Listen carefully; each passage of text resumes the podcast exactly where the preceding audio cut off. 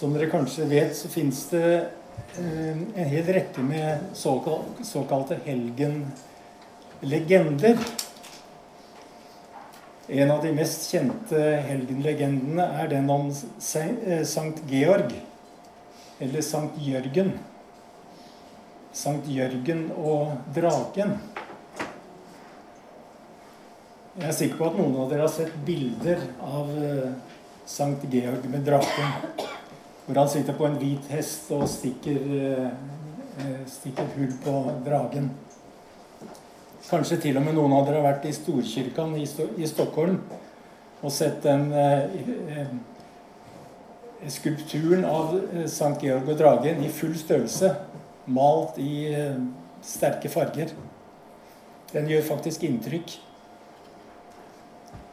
Denne legenden har eh, bakgrunn i eh, fortellingen om en kristen offiser i den romerske hæren fra omkring 300 etter Kristus.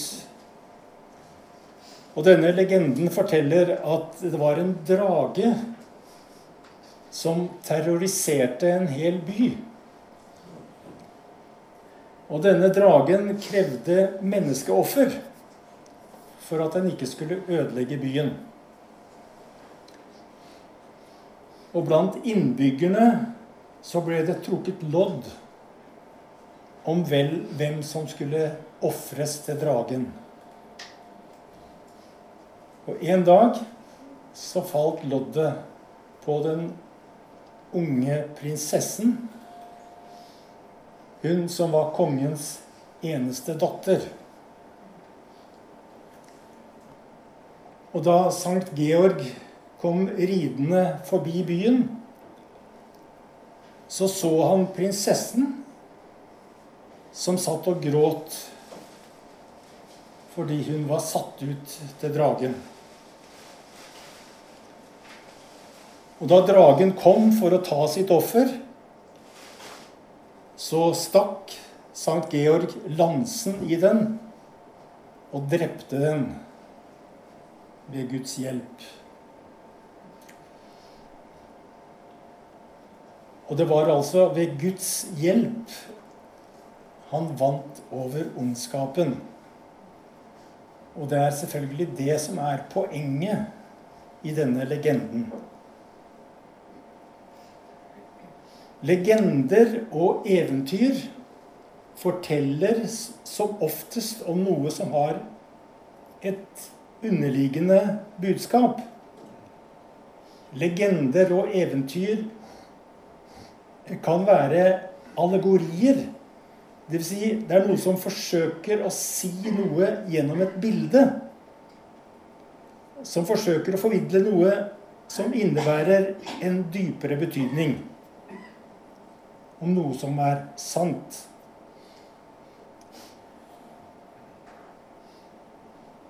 Og det som er sant, det er jo ikke at drager fins. Men at drager kan beseires. Det er ikke sant at troll eksisterer. Men det er sant at troll kan sprekke. Og denne legenden om Sankt Georg vil fortelle oss at det som truer oss, frykten som binder og terroriserer oss, og som krever stadig nye offer, som aldri tar slutt Denne frykten kommer ikke til å få det siste ordet. Og denne legenden vil fortelle oss at selv ondskapen og døden i siste instans vil bli beseiret. Og den fryktede dragen er blitt tildelt et banesår. Seieren er vunnet og kampens utfall er gitt. Og dette er Bibelens hovedtema. Jesus har seiret. Jesus seirer. Og Jesus vil seire. Men ennå Men ennå så går det drager løs. Og det hender at vi stifter bekjentskap med dem. Drager og troll, i overført betydning selvfølgelig, dukker opp av og til i våre liv og terroriserer oss. Og det skal sies at troens liv ikke alltid er rosenrødt. Og troens liv er ikke alltid kledd i sel selskapsklær. Troens liv kan også være brutalt.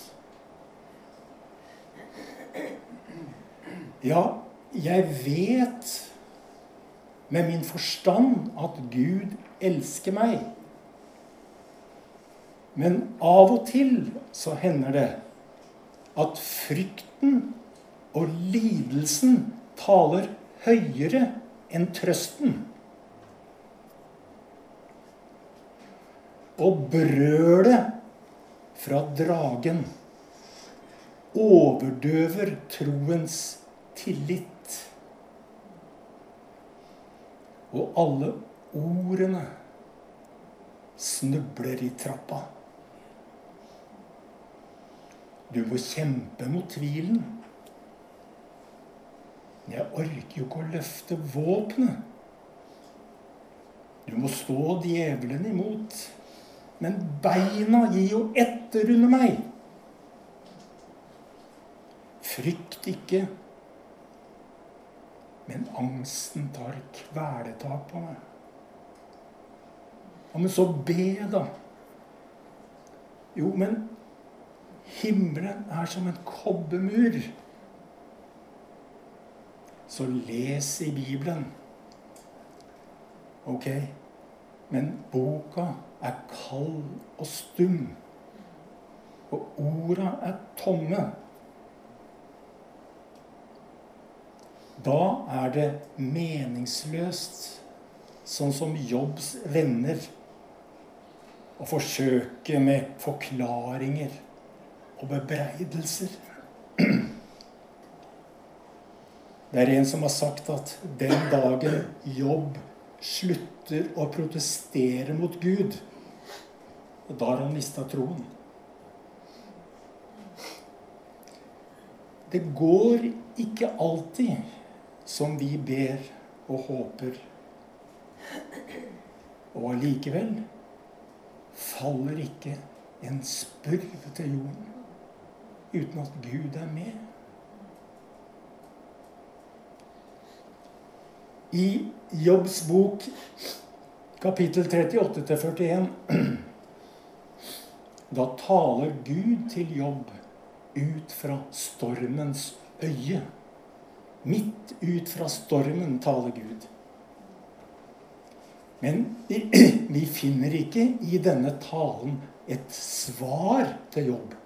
Vi finner ikke en forklaring på lidelsen.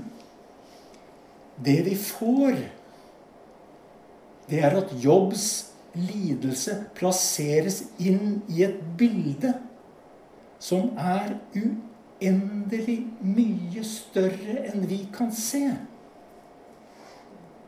Et bilde som bare Gud kan se.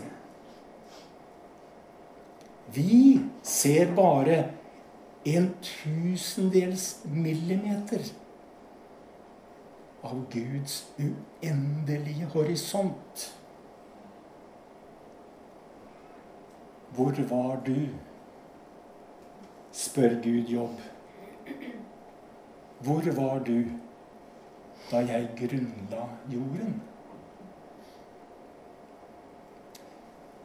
Og i de, to, i de kapitlene 38-41 i Jobbs bok så fører Gud Jobb gjennom en slags poetisk framstilling av skapelsen.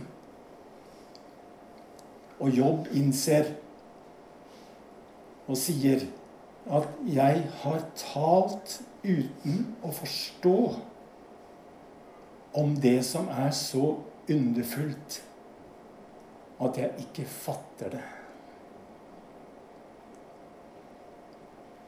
Vi finner i alle fall Vi finner i alle fall mange allierte, eller forbundsfeller, i våre personlige kamper når vi leser Bibelen. Det var brutalt for patriarken Jakob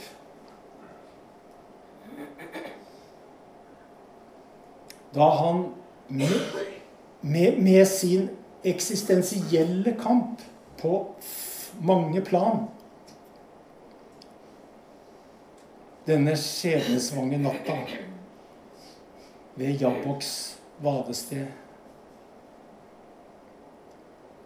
Da Jakob skal gå over Jordan med hele sin familie og alt det han eier.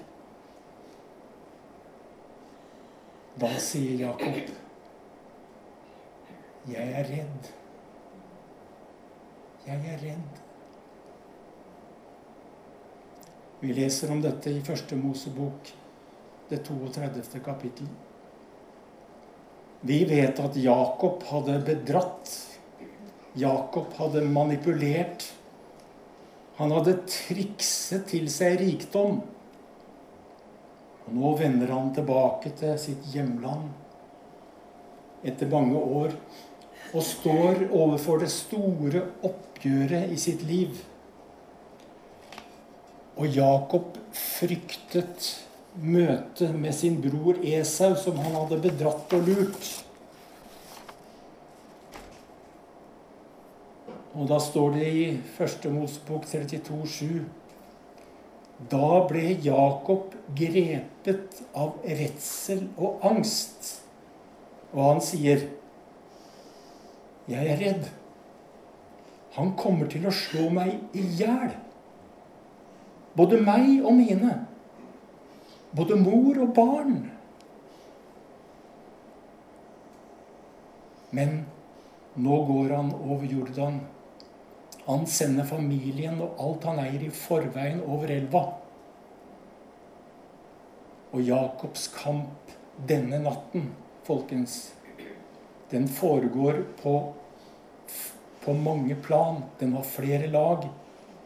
Jakob kjemper med sin frykt han kjemper med sin identitet, og han kjemper med Gud.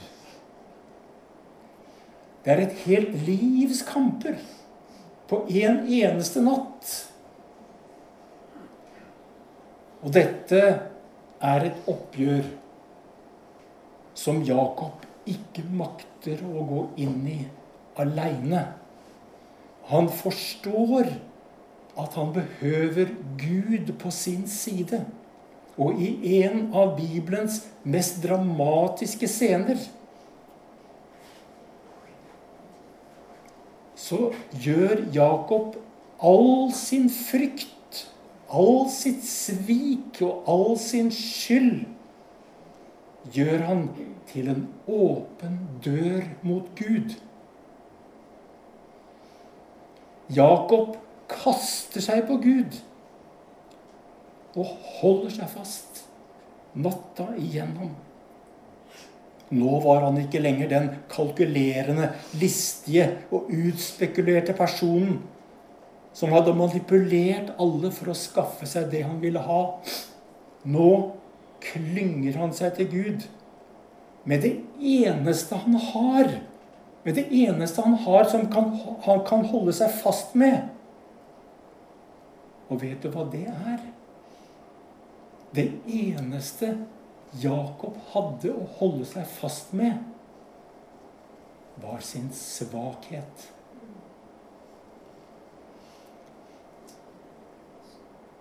Jeg slipper deg ikke, stønner Jakob i oppgjøret med Gud. Jeg slipper deg ikke uten at du velsigner meg. Og i dette øyeblikket var Jakob sann mot seg selv og sann mot Gud og bekjente hvem han var. Nå var han, kanskje for første gang, ubeskytta, naken. Og Bibelen sier Guds kraft fullendes i svakhet. Jakob slapp ikke taket i Gud. Men det var ikke fordi han var dristig. Han slapp ikke taket i Gud fordi han var tøff, eller fordi han var tapper. Han slapp ikke taket i Gud fordi han var redd.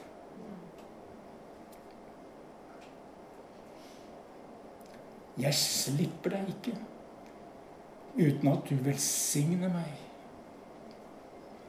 Jeg slipper deg ikke før du holder meg fast. Jeg slipper deg ikke før du holder meg fast i din nåde.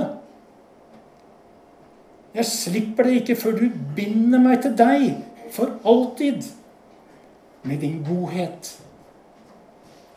Jeg slipper deg ikke før du benåder meg. Først da kan jeg jo hvile. Og hør Det er ikke farlig å bryte med Gud. For når du bryter med Gud, da er du i hans favn. Da er du i hans armer. Vi vinner ikke Guds velsignelse gjennom muskler. Men vi vinner Guds velsignelse med vår fattigdom, vår sårbarhet og vår svakhet.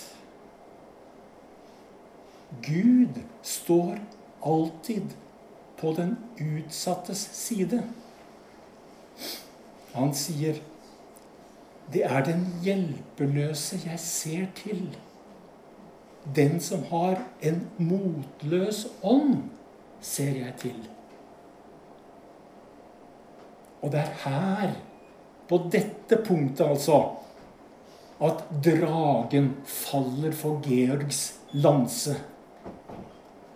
Og det er her sola går opp, og trollet sprekker. Og det er her, på det samme punktet, at evangeliet åpner seg. Ikke med svar på alt. Ikke på svar på alle ting, men med orda 'Min nåde er nok for deg'. Det står, står noen vers i Habakkuk, det tredje kapittelet fra det 17. vers, som hører sammen med det vi snakker om her. Jeg sier profeten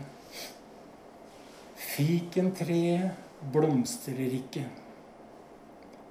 Vinstokken bærer ikke frukt. Oliven høsten slår feil. Åkeren gir ikke mat. Sauene er borte fra kveen. Fjøset er tomt for fe. Men jeg, jeg vil fryde meg i Herren. Juble i min Gud, min frelser. Gud, Herren, er min styrke. Han gir meg føtter som en hind og lar meg ferdes på høydene. Jeg avslutter med en bønn. Herre, gi oss ly i våre kamper. Gi oss håp i det vi frykter. Og tro når mørket senker seg.